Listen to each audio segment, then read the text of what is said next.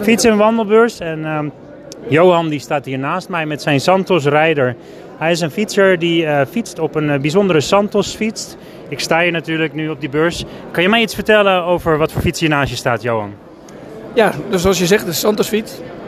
Ehm, Santos kenmerkt zich door eh, een zeer robuuste fiets te maken. Uh, onderhoudsarm, zodat je onderweg geen uh, trammeland hebt. Zodat je lekker kunt doorfietsen vooral. Dus hele degelijke, uh, stijve fietsen, zodat je ook de bergen af kunt chasen. Dus het geeft heel veel vertrouwen. En dat je ja, eigenlijk vooral op je reis kunt concentreren. En dit is de Wat ik kan podcast. Leuk dat je luistert. Aflevering 8 alweer vandaag. En we kijken eventjes dus naar wat er allemaal op deze fiets zit. Zou je kunnen omschrijven, want we hadden net bijvoorbeeld ook over de, de naaf. Dat, je zegt ja, Shimano is niet helemaal het ding wat je moet hebben als je gaat reizen. Nee, uh, Shimano interne naven, schakelnaven, die zijn niet sterk genoeg. Uh, dus als je, als je de berg in gaat zonder bagage, is het eigenlijk ja, kun je vanuit gaan dat het wel stuk gaat op den duur. Als je met bagage gaat fietsen, meer kracht hebt ook, dan gaat het geit stuk. Wat zit hierop? Uh, Roloff. Dus een Roloff naaf met 14 versnellingen. En dat klinkt weinig als je dat vergelijkt met een Derieur versnelling. Die heeft uh, 3 keer 10 misschien wel. Maar het zijn gelijke stapjes. En het bereik, dus van lichte versnelling naar zware versnelling, is vergelijkbaar met een Derieur systeem. En met allemaal gelijke stapjes. Dus het maakt het schakelen makkelijker. En heel belangrijk, uh, het is nou bijna onvoersbaar. Uh, en je hebt er heel weinig onderhoud aan. Dus uh, dat is, zijn de voordelen van de Roloff. Je bent echt een Santos-rijder. Dit, dit is een speciaal merk. Um, wat is bijzonder aan deze fiets? Uh, ja, dus een Santos is dus vooral geënt op... Santos zelf wil geen fietsen terugzien die wil dat de fietsen blijven rijden. Het is ook, Beeld for life is de slogan, ja, ja, ja. Exact. Dat is, uh, uh, dus alle onderdelen die erop zitten zijn, eh, hebben een hele lange levensduur. Plus... Wat zit hierop? Want we hebben net een slot gezien, hoorde ik, dat er een alarmpje afging. Op het moment dat je het sleuteltje dichtdraait, gaat natuurlijk ook het alarmpje aan als ja. je de fiets beweegt. En wat zie je nog meer op de fiets zitten? Um, eens even kijken weinig bagage. dus, maar dat is een, specifiek mijn voorkeur. Um, en dat is uh, bijvoorbeeld een frametas. Een beetje een rare plek misschien, maar dat is een hele ide eigenlijk ideale plek om zware spullen. Helemaal midden in het frame. Eten, water. En dus hoe minder bagage je meeneemt, hoe comfortabeler je fietst. Uh, als je aankomt is het wat minder comfortabel, want je hebt een kleiner, lichter tentje. En maar dat en aan bepakking, want je hebt behoorlijk wat verschillende tassen, zeg maar. Ja, ja dus als je minder meeneemt, minder mee wil nemen, dan ga je kleinere tassen gebruiken. Uh, maar iets meer tassen. Zodat je beter kunt organiseren. Je hebt er twee aan de zijkant en je voorkant, twee aan de achterkant. Precies, er zit uh, bijvoorbeeld ene tas met kookspullen, andere kant met kleren.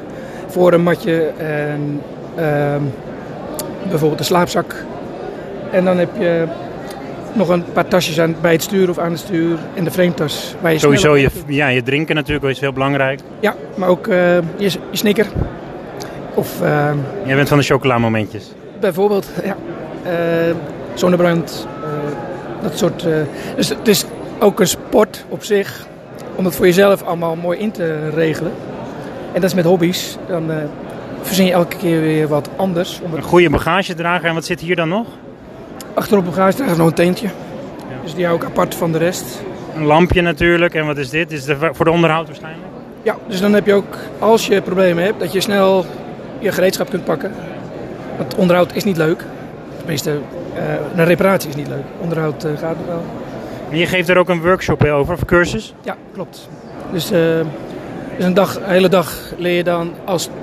De, de doelgroep is een toolfietser. Dus die een meerdaags, meerweekse vakanties met de fiets gaat maken. En zelf redzaam wil zijn onderweg. Eigenlijk voor de basisdingen. Band plakken. Maar ook wat als een spaak breekt. Wat als mijn ketting breekt.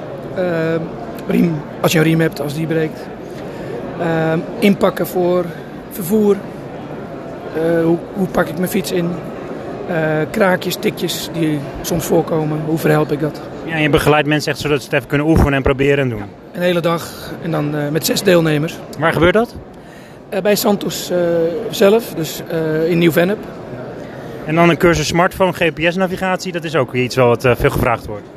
Ja, eh, dus ik geef op verschillende locaties eh, de smartphone GPS-navigatie. Heel veel mensen rijden met een GPS-toestel, als Garmin of Wahoo. Maar daar kun je de kaart niet van lezen.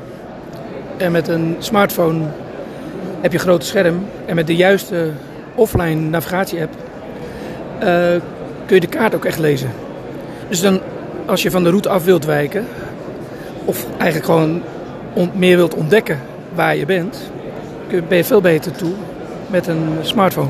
Ja, dit is de podcast Wat ik kan. Nou, wat ik kan ontdekken natuurlijk als zo'n tourfietser. Ehm, je hebt zo'n GPS-systeem. Wat voor GPS-systeem gebruik jij?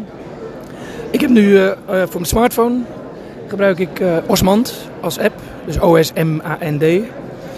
En dat is een hele uitgebreide app met hele duidelijke kaarten en heel veel functionaliteit. En qua telefoon, want je batterij gaat ook zo snel leeg hè, als je op de fiets zit. Of- Klopt, maar de kaarten zijn offline. Ehm, dus je kunt hem ook in vliegtuigmodus zetten. Maar belangrijker, die kaarten hoeven niet gedownload te worden. Terwijl Wat voor telefoon gebruik je dan? Eh, allebei iPhone en Android, want ik geef in beide cursussen. Ja. Dus dat is, onderscheid is eh, wat dat betreft niet, dus gewoon persoonlijke voorkeur. Maar je neemt gewoon een battery pack extra mee of zo. Battery pack van 5000 mAh, dus best wel een kleine, is voldoende om een hele dag te kunnen navigeren. Maar dan Nee. ga je niet fotograferen en filmen onderweg. Exact, want fotograferen en filmen, dat vergt ook heel veel energie. Doe dat maar op je eigen andere toestel of zo. Ja. Nou, over 10.000 mAh. Maar ik heb ook een naafdynamo. En dat is dan weer een investering. En, eh, want je kunt aan je naafdynamo kun je een omvormer aansluiten. En dan kun je tijdens fietsen kun je telefoon opladen. En dan heb ik nog steeds wel een battery pack mee. Maar dat is als meer als backup. Dus die naafdynamo met een goede omvormer levert genoeg energie om je telefoon vol te houden. En dan heb je eigenlijk geen probleem. Gaat het nog goed met je stem? Je hebt net even een drankje bij je natuurlijk. Ehm, ik zei vijf minuten, maar zit alweer op de zeven minuten. Maar ehm, nog één klein dingetje wat ik zou willen vragen is... ehm, wat kan ik vertellen over ja, de reizen zelf? Wat heb jij meegemaakt? Wat ik kan vertellen? Wat, wat, wat is dat voor jou? Ja, nou, eh, ik wou zou wel een tip willen meegeven. Voor mensen die overwegen om te gaan reizen. Hou de dagafstanden kort en zoek de mooist mogelijke routes uit. Want dat maakt het fietsen zo mooi. Ehm, dus dan heb je alle tijd om ook te genieten. Dat- maar dat is een persoonlijke... Ja, Wil ik toch van jou even horen, waar ben je geweest wat voor jou echt heel belangrijk was dat je dat ja, toch hebt mee mogen maken? Ja, te veel om op te noemen. Eh, net uit Mexico terug. En dan vier dagen eh, tussen twee steden. Dus vier, dagen, vier, vijf dagen geen enkele voorzieningen. Eh, hele slechte wegen. Maar fantastisch landschap. 40 kilometer per dag. Omdat het te mooi is om te snel te gaan. Maar dat lukt ook niet. Om En lekker je tentje. En dan je tentje in. En wild kamperen is dan ook fantastisch. Eh, de anders over fietsen. Eh, het is verslavend. Gewoon omdat je het zo intens beleeft. En tijdbesef wordt anders als je fietst. En zelfredzaam. eh, dat is echt eh, fantastisch. Bijzonder om te horen, ja. Ja, dus één, één ding eruit lichten. India fietsen. Fantastische ervaring. Ben je langs de gangers gegaan daar of wat is het, eh, Mumbai? Ook, ook ja. Zuid-India is compleet anders dan Noord-India. En Noord-India kun je ook weer... Van Himalaya- Chennai naar Goa en Delhi ben je geweest? Ehm, Bombay, Goa is heel toegankelijk, bijvoorbeeld. Dat is een voorbeeld. Maar ook ehm, de hele westkust, helemaal tot aan Trivandrum. Dus als je doorrijdt vanaf Goa, eh, één groot feest, vind ik.